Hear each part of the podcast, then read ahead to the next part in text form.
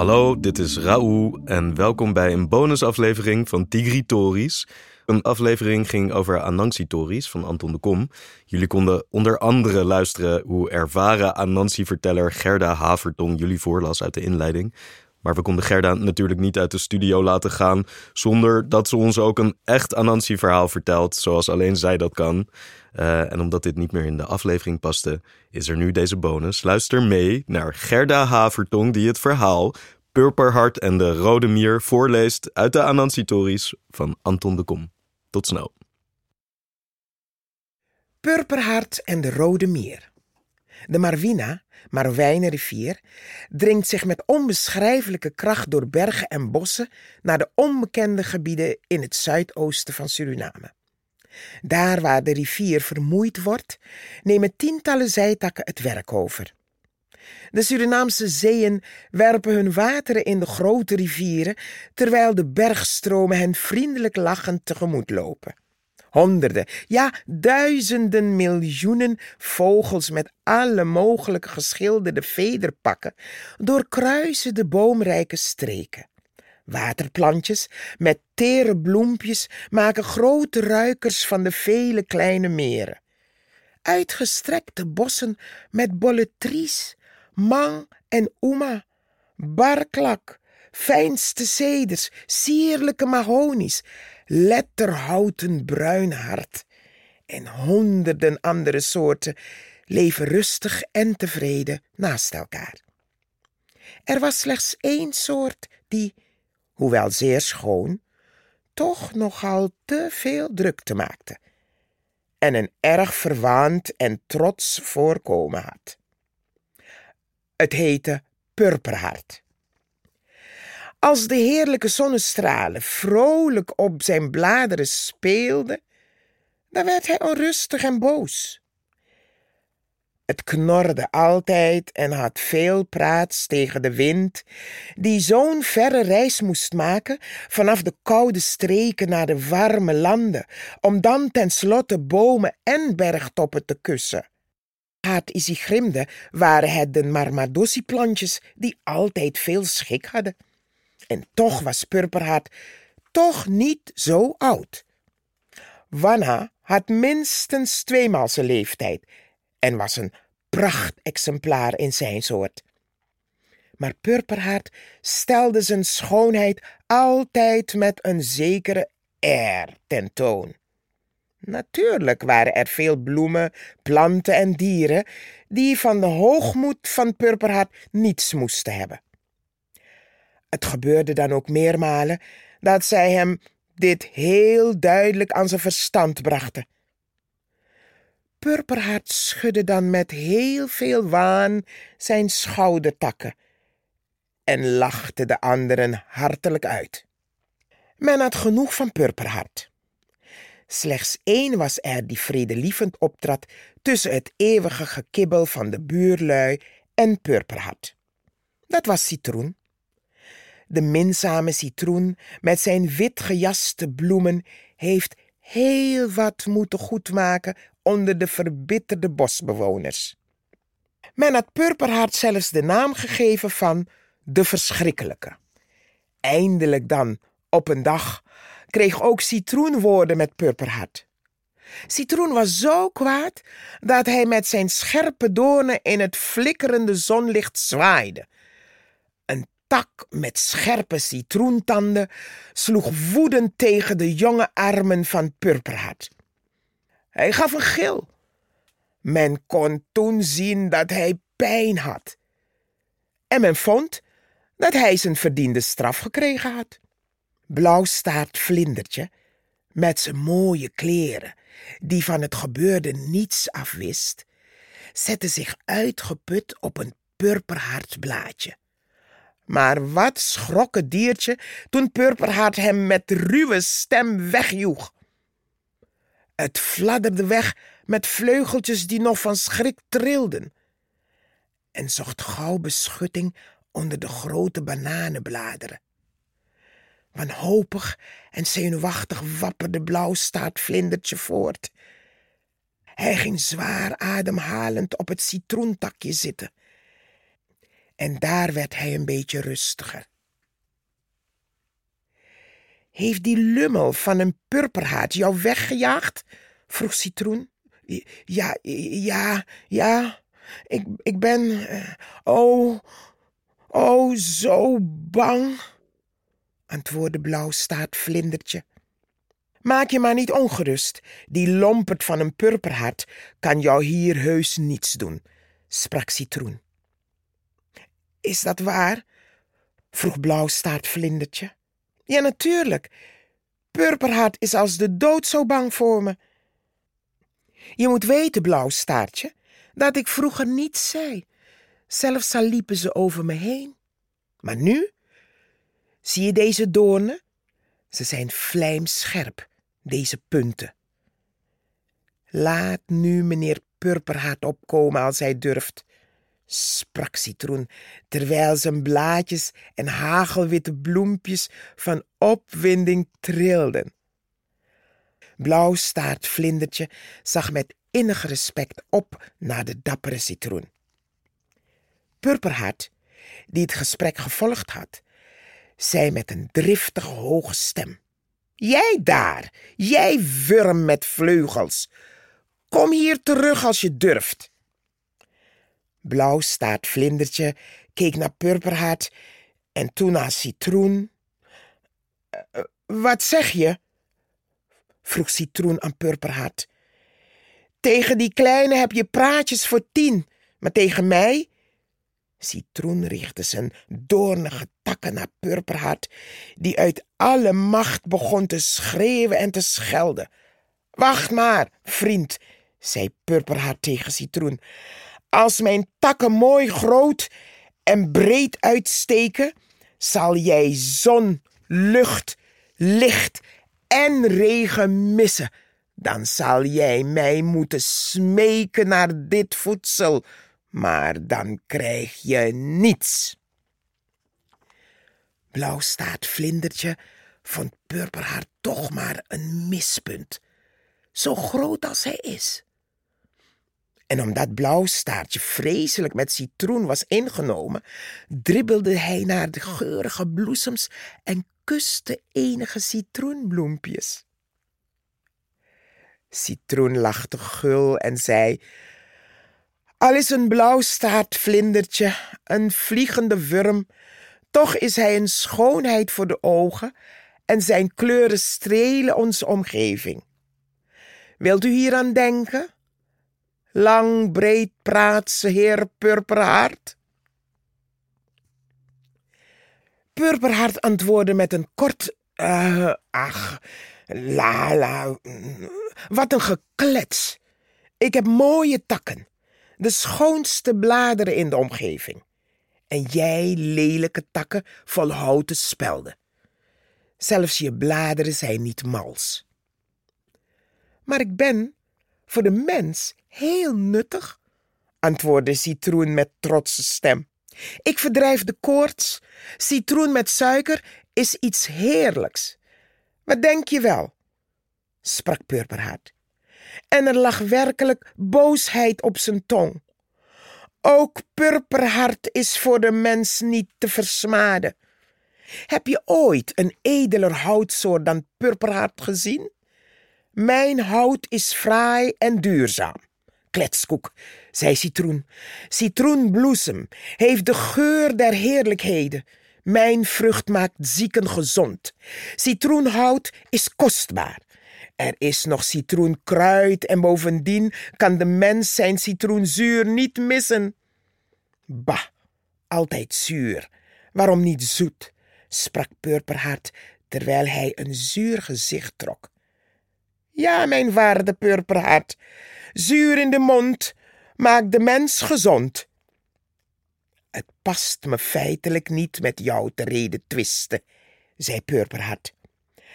Kunt ge het weer niet van me winnen? Of trouwens, wie wint het niet van Purperhart? antwoordde Citroen met zegeprolende stem. Krijg ik nog een beetje zon? huilde de kleine kers, die aan de voeten van Purperhart groeide. Je neemt alles, licht en lucht, van me weg. Houd je mond, brulde Purperhart.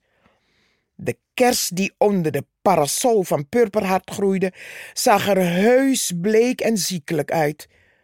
Van Purperhart kon hij niets verwachten. Die ving de gezonde winden op, pikte altijd begeerig de eerste jonge zonnestralen. Zie je wel, zei Citroen tot Purperhart, dat je ons allen hier de keel uithangt? Kwam er maar een flinke storm die je heen en weer gooide. Wacht maar, vriendje. Ik heb mijn gewone hoogte en dikte nog niet bereikt. Binnenkort zal je ervan lusten, antwoordde Purperhart.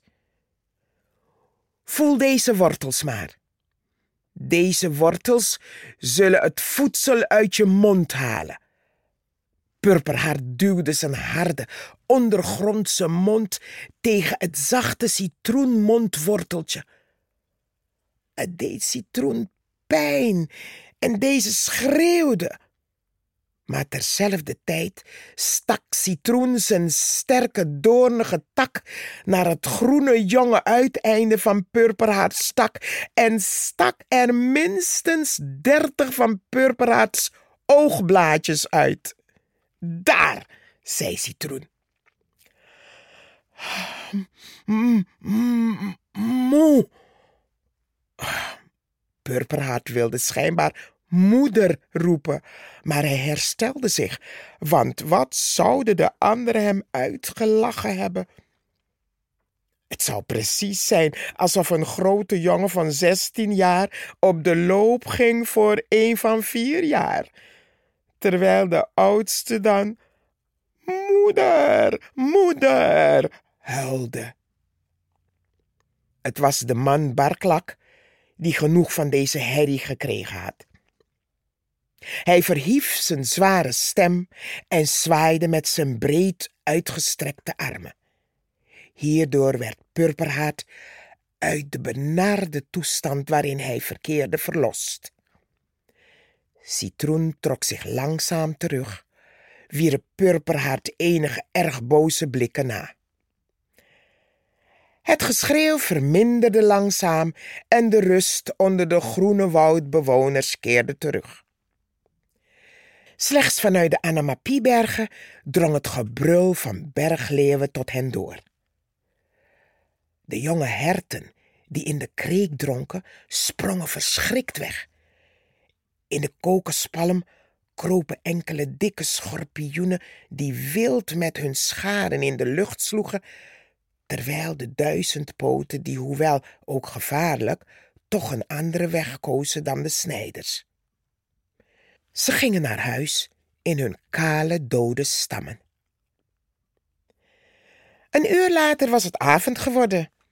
De hemel was helder geworden met zoveel sterren. Ze waren niet te tellen. De maan moest nog komen.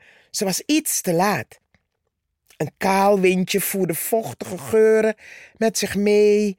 Een drie meter lange slang kronkelde zich vrolijk met zijn staart in de zeder. De uilen zwierven boven de boomkruinen, die in het zilver gekleed waren. De dagdieren en planten sliepen weldra in. De volgende dag begon het lieve leventje weer. Een rood vogeltje in gloednieuwe kleding zong een morgenlied in purperhaat. Het langgerekte gezang scheen hem te vervelen. Hij joeg het beestje weg. Obé riep toen met een allervriendelijkste stem. Kom maar gerust op mijn takje. Dank je wel, sprak het vogeltje en zette zich bij Obé neer. Ga maar naar Obé, zei Purperhart. Hij is toch een tehuis voor zwervers. Ik wou dat alle zwervers en zwerfsters bij mij op bezoek kwamen. Wat zal dat een groot feest zijn, antwoordde Obé. Weet je wel, meneer Purperhart, dat zwervers veel, veel missen? Wat kan me dat schelen, zei Purperhart. Natuurlijk kan dat jou niet schelen. Je bent er eentje die altijd en alleen maar aan jezelf denkt, sprak Rodemier, die vroeg ter been was en naar haar werk ging. Goedemorgen, Rodemier, groette Obbe. Ze keek vriendelijk lachend omhoog en beantwoordde de groet met een buiging. Purperhart, die erg jaloers was op Obé, omdat hij zoveel vrienden had, schreeuwde: Oh, weer een van die zwervers die door meneer Obé in bescherming genomen werd. Jawel, jawel, antwoordde Obé. Staat het je niet aan? Nee, nee, die lelijk geklede arme zwervelingen altijd in mijn omgeving bevalt me niet. Ziet eens naar mijn stam. Hebben jullie ooit in je leven zoiets moois gezien? Lef, lef en nog eens lef, zei de Rode Meer. Straks zegt hij nog dat de hele wereld van hem is. Dat moest er nog bij komen, sprak mevrouw Barklak. Vergelijk mijn takken met die van Wanna, en jullie zullen zien dat de mijne sierlijker zijn, zei Purperhart. Er lag een hoge kleur op zijn wangen van verwaandheid. Eigen lof stinkt, mijn waarde Purperhart, antwoordde Zeder. Tot nog toe had deze niet gesproken. En dan mijn bloesem. Wijst mij er een hier in de buurt die zoeter, geuriger en kleurrijker bloemen heeft dan ik, Purperhart. Purperhart sloeg met zijn takken tegen zijn stam, zoals mensen met hun vuisten op de borst slaan om kracht bij de woorden te zetten. Maar zul je altijd over de schoonheid van jezelf blijven praten? zei Rodemier. Ziet je de fraaie pisangbladeren niet? Zijn je ogen met blindheid overtrokken, zodat je de wilde rozen niet ziet? Het is anders ongelukkig voor je. Of sluit je met opzet je ogen dicht om de vruchten van mahonie, die als hangende goudklompen in de lucht schitteren, niet te zien? Kijk daar ginds naar de Couswe, vervolgde Rodemier. Een prachtige boom wier vruchten een kostbaar sap geven. Of onder de heer Barklak bloeit Masusa, waarvan de mensen kasripo magi maken. Zie daar, planten en ook dieren die het van jou zouden winnen, besloot Rodemier. Purperhart was woedend. Hij schudde met de kop en zijn takken sloegen in het rond. Mijn waarde, waarde purperhart. Een mier als ik krijg je niet te pakken. Is dat ook een kleur? brulde Purperhart. Jazeker, en een heel mooie kleur, antwoordde Rode Meer. Purperhart bewoog zich heel ruw met zijn stam en takken. Er viel toen een dorre tak naar beneden. Deze zou zeer zeker Rode Mier onder zijn gewicht gedood hebben, maar de kleine mier was wel zo heel verstandig om van onder de purperhartboom weg te gaan. Rodemier kroop snel onder de drievingerige blaadjes, die heel vriendelijk voor haar waren en haar uit de buurt van de kwaadaardige purperhaat wegtrokken. Citroen en de anderen vonden purperhaat schaamteloos. Nauwelijks was purperhaat echter van zijn woede gekoeld, of het rode miertje kwam tevoorschijn. Haar donkere ogen, die niet groter waren dan een korreltje suiker, keken heel brutaal en uitdagend naar Purperhart. Komt ge weer in mijn buurt? vroeg Purperhart. Wat wilt ge dan? antwoordde Rode Mier. Dacht je soms dat we voor jou weg zouden kruipen? Geen denken eraan. En je deed het zo even, sprak Purperhart. Wie is zo dom om wanneer hij het gevaar ziet aankomen niet uit de weg te gaan? zei Rodemier. Laf, laf ben je. Waarom bleef je niet staan met je grote mond? vroeg Purperhart. Dan was ik gek, antwoordde Rodemier. Ja, ja, dat weet ik wel. Maar ik zal jouw kleine heks wel krijgen. Wacht maar. Met suikerriet kun je alles doen wat je wilt, maar met mij niet. Bedenk dat wel, Rodemier. Purperhart had deze woorden snel achter elkaar gezegd, zonder te rusten. Hij keek om zich heen of zijn taal inderdaad indruk gemaakt had onder de omstanders. Meneer en mevrouw Barklak keken Purperhart aan. Mevrouw schudde haar hoofd. De anderen zwegen eveneens. Ook aan u heb ik het volgende te zeggen, sprak Purperhart. Namelijk, degene die het durven zal om mij te beledigen, zal met mijn knuisten kennismaken. Nu, ik wil wel eens met jou proberen, antwoordde Buffel, terwijl zijn geloei in de uiterste hoeken van het land gehoord werd. Buffel liep toen achterwaarts, rende met volle kracht en tegen Purperhart aan. Zijn horen drong in het vlees van Purperhart, die begon te bloeden. Maar ook Buffel kwam er deze keer slecht vanaf, want hij brak zijn rechterhoorn. Hij brulde van de pijn en liep hard weg. Een uur hierna verschenen de ouders van Buffel, die naar hun kind zochten. Hij was weggelopen toen ze aan de bron waren gaan drinken. Heb je zo'n deug niet gezien? zei moeder Buffel tot Citroen. Kinderen willen nooit luisteren en als het te laat is, dan hebben ze er spijt van. Maar kinderen worden ook groot, mengde Rode Mier zich in het gesprek. Ze kunnen niet altijd onder moeders papot blijven. Daar heb je gelijk in, Rode Mier, zei moeder Buffel. Was het uw jongen? vroeg Purperhart aan moeder Buffel. Jawel, antwoordde ze. Kunt u niet beter op uw kinderen letten? zei Purperhart. Hebt u geluisterd naar de wijze woorden van de kleine rode mier? vroeg moeder Buffel. Ik heb niets te maken met een snotap van een rode mier, sprak Purperhart. Kijkt u maar eens hier, wat een grote wond veroorzaakt door de horens van uw zoon. Maar het is jouw eigen schuld, voegde Rode Mier hieraan toe. Je bent zo lang aan het sarren geweest, totdat er één kwam die jou er eventjes eens flink van langs gaf, zei mevrouw Barklak. Ze noemen je niet voor niets Purperhaar de Verschrikkelijke. Rodemier sprak onbevreesd. Iedereen kent jou als de vervelendste in de omgeving.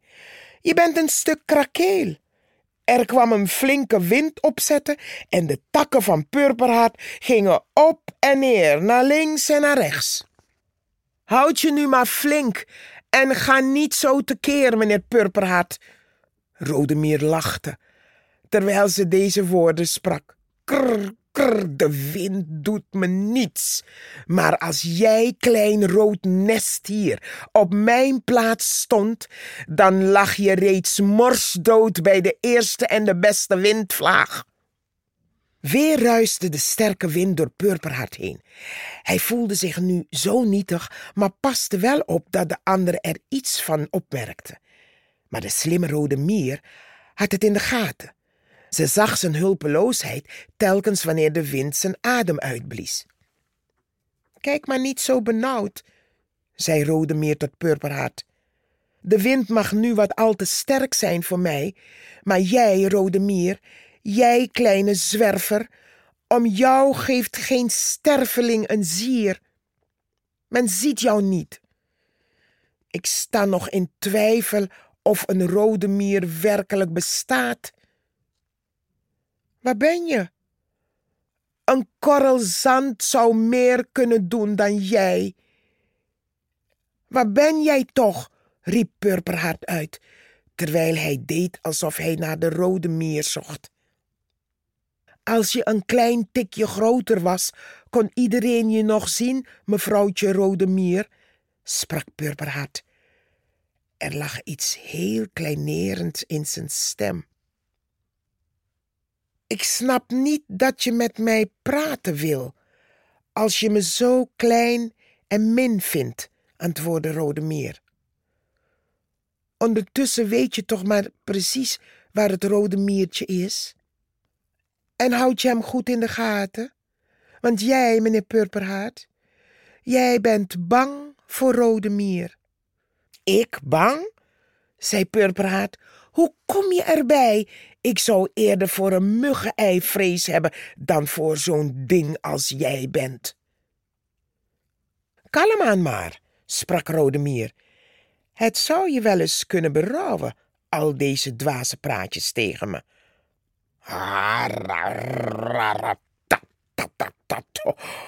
Hoor me dit nietigheidje eens praats hebben. Als de wind even zijn mond open doet, zweef je al in de lucht. Dat zal niet gaan, antwoordde Rode Mier. Ik heb gelukkig nog beschermers. Bedoel je soms die nare citroenstruik? vroeg Purperhart. Citroenboom, alsjeblieft. Anders zal ik je weer mijn tanden laten voelen. Ik heb ze juist goed scherp gemaakt. Voel maar eens. En meteen drukte citroen zijn puntige doorns in Purperharts vlees. Voor de tweede maal. Ai! schreeuwde Purperhart. Hij begon hard te schudden, maar geen enkele dorre tak kon hij kwijtraken. Bovendien was Rode Mier reeds haastig onder de grote njamswortel gekropen. Angstig keek ze om zich heen. De njamsbladeren stelden haar gerust. Nadat het rumoer geweken was, kwam Rode Mier weer tevoorschijn. Ben je weer daar? riep Purperhart. Wat dacht je dan? antwoordde Rode Mier. Je kunt iedereen gek maken, maar zover krijg je me niet. Bah, kijk haar eens. Kun je op je poten staan, klein onooglijk beestje? sprak Purperhart. Maar toch mag de rode mier er zijn. Ten slotte zijn wij het symbool der arbeidzaamheid. Niet alleen het zinnebeeld, maar in werkelijkheid zijn wij mieren werkzaam. Ach, wat, iedereen werkt, sprak Purperhart. Maar wij zijn altijd vroeg ter been, zelfs wanneer jij, Purperhart, nog zoet staat te slapen. Maar met al dat geklets van jou, sprak Purperhart tot de rode mier, ben jij toch te klein om naast mij te staan. Kijk goed naar mij. Iedereen heeft eerbied voor mij. Kan wel, antwoordde Rode Mier, maar ik heb helemaal geen respect voor jou, zo'n kale opschepper als je bent. Ruk uit, schreeuwde Purperaat. Kruip onder de aarde in een smerig mierennest waar je thuis hoort. Geef niets, ik wil graag weten dat ik in een mierennest thuis hoor. Maar jij, waar behoort jij thuis? vroeg Rode Mier. Hier, je ziet het toch? In deze juwelige omgeving, te midden van woudreuzen en mooier geschilderde dieren, mooier dan een rode mier, zei Purperhart. Kan wel, antwoordde Rode Mier, maar men kan jou in deze omgeving niet luchten. Waarom zeg je dat er niet bij? Ben jij dan hier zo bemind? vroeg Purperhart intussen het onnozelste gezicht van de wereld opzettend. Ja, ja, ja zeker, sprak Rode Mier met overtuiging. Dat zal wel, zei Purperhart. Nu, vraag het zelf maar aan de bewoners, antwoordde Rode Mier. En op de vraag van Purperhart of ze Rode Mier mochten leiden, antwoordden de meesten bevestigend. Tuurlijk vond Purperhart dat niet prettig en hij ging dan ook geweldig tekeer. Koest maar, sprak Rodemier met een schelle stem. Niet zo'n drukte. Voor jou? vroeg Purperhart. Jazeker, antwoordde Rode Mier. Voor een doodgewone mier die rood van kleur is.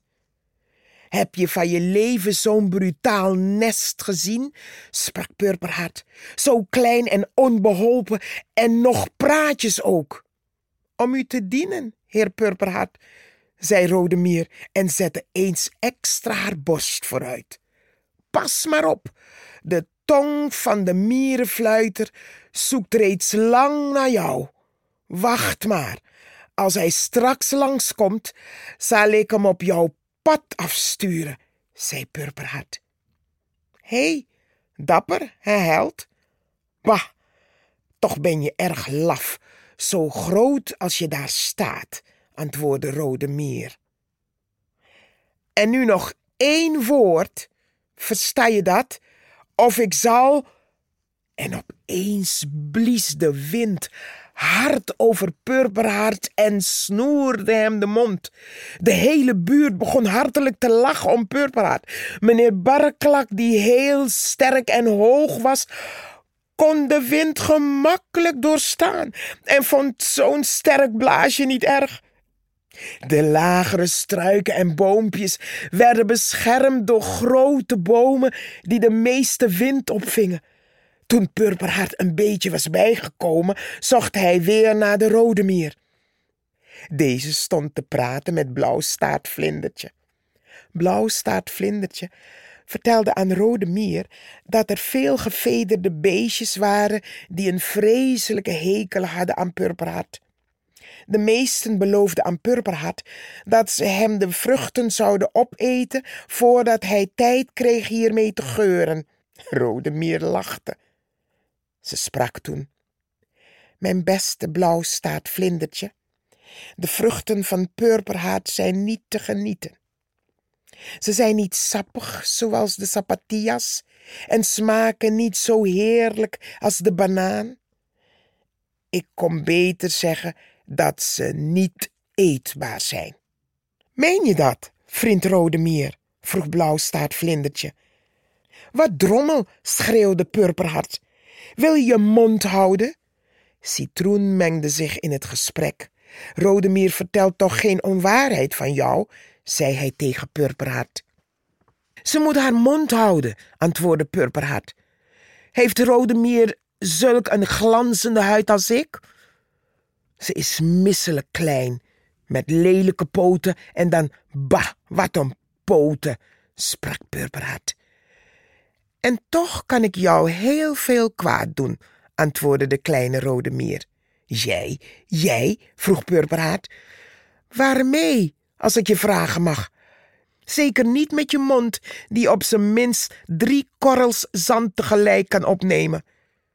Maar mijn tandjes zijn scherp sprak Rodemier. Maar niet scherp genoeg om tegen mij te vechten, blafte Purperhart. Rodemier gaf geen antwoord, maar keek met haar kleine ogen naar Purperhart. Ik weet wel dat je sla en kool de baas bent, maar tegen Purperhart kan je niet op, zelfs al haalde je je hele mierenfamilie. Nu heb je angst, hè, Rode Mier?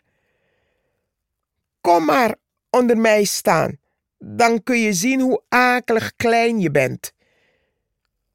Onder purperhart lijk je het kleinste stofdeeltje, ging Purperhart voort. Probeer het nog eens in mijn buurt te komen. Haal maar je vrienden. Ik ben niet bang voor geen van jullie hier. Rodemier had geen woord meer gezegd. Naast haar dook plotseling Banansi op. Hij klopte Rodemier hartelijk op de schouders en zei: Ga maar mee. Purperhart is een antwoord niet waard. O, ben jij daar? vroeg Purperhart, terwijl hij naar de spin keek. soort zoek soort, zei Purperhart. Alleen je poten zijn om te griezelen, Bananzi. Breng je de spin mee om je te helpen, Rodemier? vroeg Purperhart lachend. Nu, die is wel sterk hoor, spotte Purperhart. Dan had je meer aan een wurm, schaterde Purperhart. Kruip maar terug in de modder, daar horen jullie thuis. Jij, Rode Mier, Banansi en Aardworm. Rode Mier wilde Purperhart wat zeggen, maar Banansi nam haar mee. Toen beiden van het scheldterrein van Purperhart waren, gingen ze onder de papaya zitten. Waarom pakken jullie met z'n allen Purperhart niet aan? vroeg Banansi. Ach, dat komt omdat we een beetje bang voor hem zijn, antwoordde Rode Mier. Gekheid, probeer het maar, dan zal je wel zien. Vertel het straks maar in je nest, zei Banansi. Dat zal ik doen, sprak Rode Mier. Ik ga nu maar meteen naar huis. Hartelijk dank voor je raad, Banansi. Niets hoor. Dank je neem ik niet van je aan. Nu dan, zei Rode Mier, als je ooit in verlegenheid mocht zitten, tik dan aan mijn venster en je wordt geholpen. Aangenomen, beste Rode Mier. En Banansi schudde Rode Mier hartelijk de poot. In de mierenhoop teruggekeerd, deelde Rode Mier aan de werkers mee wat haar voorgevallen was. De rode mieren balden de vuistjes en zeiden allen zonder uitzondering Purperhart een goede afstraffing te zullen geven. De maan lachte en Purperhart dacht dat ze alleen voor hem lichtte. De nacht scheen langer dan een eeuw te duren voor de rode mier. Ze stond voor de zon op en liet de wekker van de werkers aflopen, die op hun beurt uit het nest kropen. Toen de zon van de mierenhoop een gouden hoop maakte, liep Rode Mier in het bosstraatje, gevolgd door honderden rode mierwerkers. Dit schouwspel maakte indruk in de groene omgeving. Nog barklak, ijzerhart, citroen of ceder konden er iets van begrijpen. De jonge frisse struiken en de spruitjes keken met een benauwd hart om zich heen.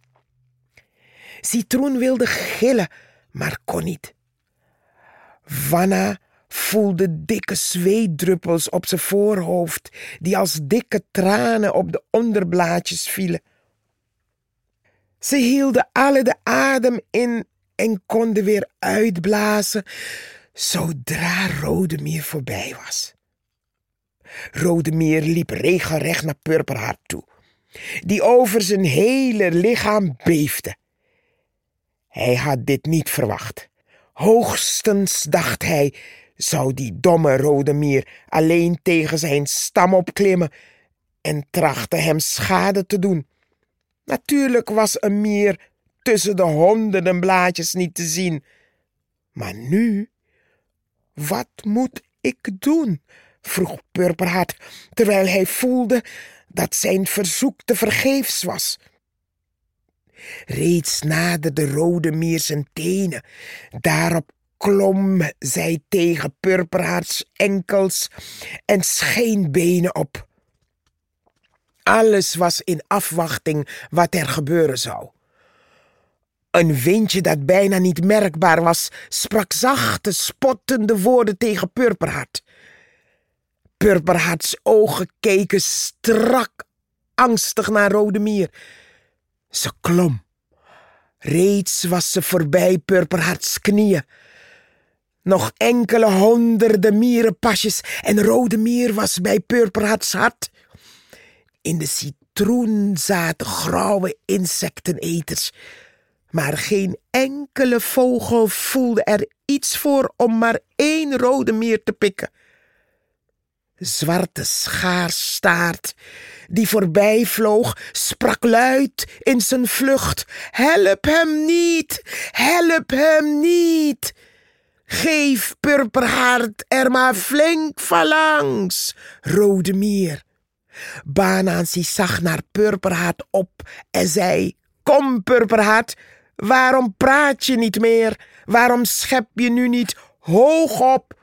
Waarom beschimp je Rode Mier niet meer? Waarom speel je niet tegen de anderen op? Waar is je kunst opscheppen? Doe je er niet meer aan? Ik hoor je ook niet meer bluffen. Heb je het afgeleerd? Kom, kom, meneer Purperhaard. Is je tong gebroken of heb je ineens zoveel respect gekregen voor de rode mier? vroeg de spin. Purperhaard gaf geen antwoord. Het scheen alsof hij niet meer praten kon. Droevig begonnen zijn ogen in de ronde te staren, smekend om hulp. Maar niemand dacht er maar ook aan hem te helpen. Zelfs woorden van troost werden hem niet gegund. Citroen lachte niet. Hij vond echter dat Purperhart zelf dit alles op zijn hals gehaald had. Blauwstaart vlindertje zei tot Purperhart. Dat komt ervan, meneer Purperhart. Wanneer je hier alleen de baas wil zijn en een ieder naar hartelust wilt commanderen. Ik geloof niet dat er één te vinden zal zijn die medelijden met je zal hebben. Dit alles is slechts het begin. De ellende voor jou komt nog. Zo ging het kleine vlindertje met zijn mooie blauwe staart voort. De slak die in de buurt van Mahoni woonde, liet zich nu ook zien. Hoe dikwijls had Purperhart haar niet uitgescholden voor kalkachtig weekdiertje. Het laatste noemde hij haar nog zwarte aardevreter. Natuurlijk moest Slak nu iets tegen Purperhart zeggen. Ze deed het dan ook. Krijg je nu eindelijk je trekken thuis? Je dacht zeker wel dat alles aan jou toebehoorde en dat wij niets, helemaal niets te vertellen hadden. Maar de zwarte grond, de lucht, de wind is van ons hoor. En nu zal je de schande ondervinden om voor onze ogen je loon voor je slechte werk te ontvangen, sprak de slak, een en al vol vuur. Purperhaat zei niets. Barklak vroeg aan hem waarom Rode Mier nooit ruzie met hem had. Dat komt omdat ik met anderen weet om te gaan en niet zo'n inbeelding over mezelf heb zoals jij. Purperhaat riep toen uit: Schei jullie allen uit! Hij keek smekend naar de Rode Mier. Rode Mier vervolgde haar weg. Precies achter haar kwamen de anderen aan. Het leek werkelijk een lange rode lijn die vanaf het wilde ananasveld tot aan de stam van Purperhart liep. Steeds hoger klom Rodemier. Eerste arm van Purperhart werd betreden. Er liepen honderden rode mieren naar het groene uiteinde van deze arm. Daarna beklommen de andere rode mieren de volgende takken van Purperhart. Purperhart voelde dat zijn hart bijna stilstond. Hij kon nauwelijks ademhalen. De warme zon bestreek Purperhart en met talloze rode mieren leek hij een gouden boom die met groene kraaltjes was bewerkt. Op het teken van de rode mier begonnen de mieren aan de bladeren van Purperhart te knagen. Iedere rode mier brak een stukje blad van Purperharts kleedje af.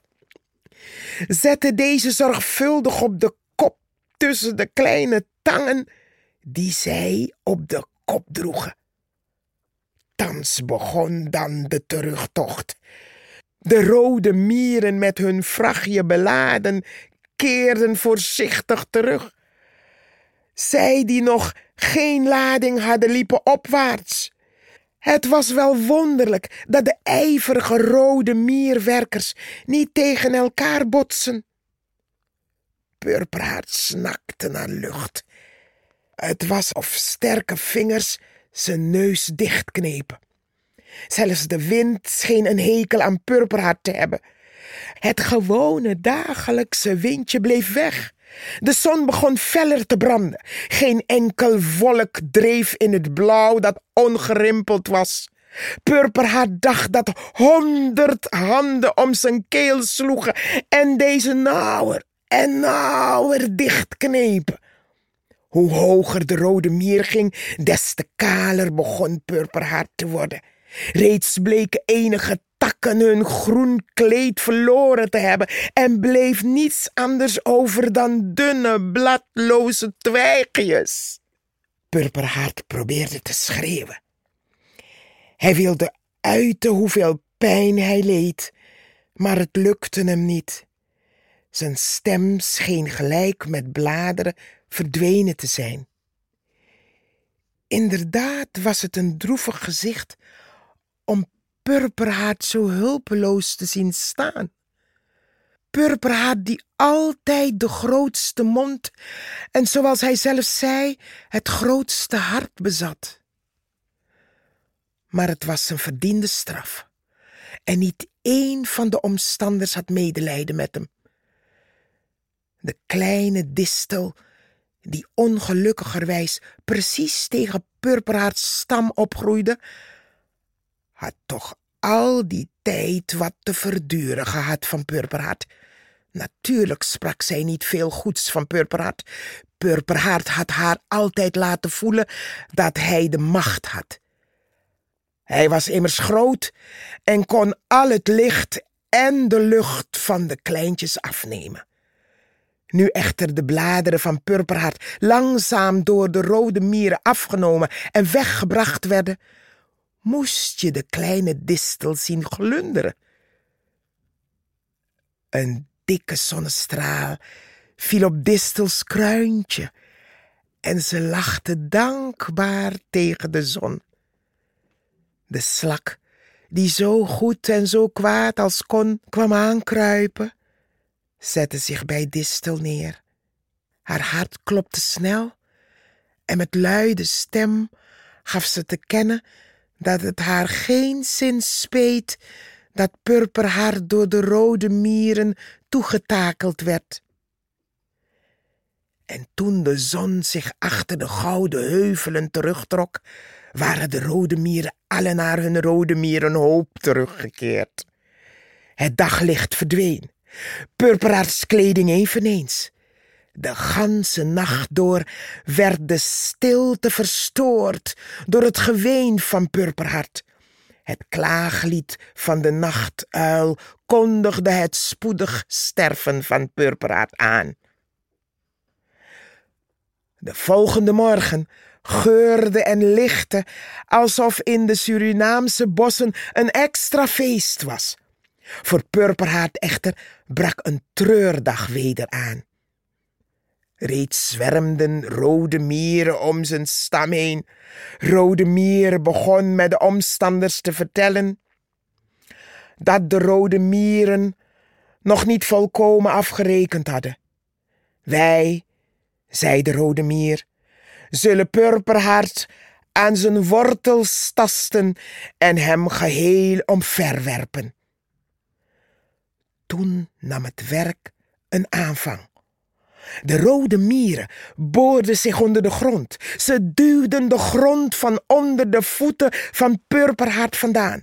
Uur na uur werd de hoop groter en groter. En steeds meer rode mieren kropen onder Purperharts wortel en knaagden en knaagden. Het moet ongeveer vier uur in de namiddag zijn toen de grote purperhart, geheel uitgekleed en verdroogd, dood ter aarde viel. Zijn laatste snikken gingen met de zon ten onder. En dagenlang hielden de rode mieren zich bezig met de omgevallen purperhaat. Na een week was purperhaat geen omgevallen boom meer, maar een reuze mierenhoop. Van aarde en houtzaagsel. Banansi en Rode Mier stonden bij de mierenhoop te praten. En de buurtbewoners konden rustig verder voortleven. De kleine Rode Mier had de grote purperhart verslagen. En dan zegt hij soms einde.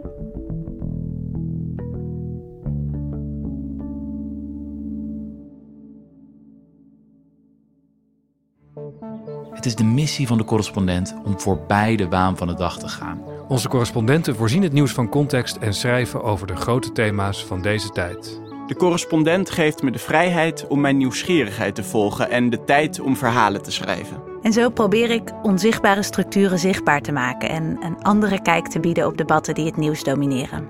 Dan gaat het minder over het spelletje en veel meer over wat er op het spel staat. Vanaf dag 1 zijn onze artikelen, boeken en podcasts gefinancierd door onze leden. Volg ons op onze journalistieke zoektocht. Overweeg eens lid te worden van de correspondent. En maak daarmee samen met ruim 70.000 anderen onze onafhankelijke journalistiek mogelijk. Dus word lid van de correspondent. Ja. Word lid. Word lid.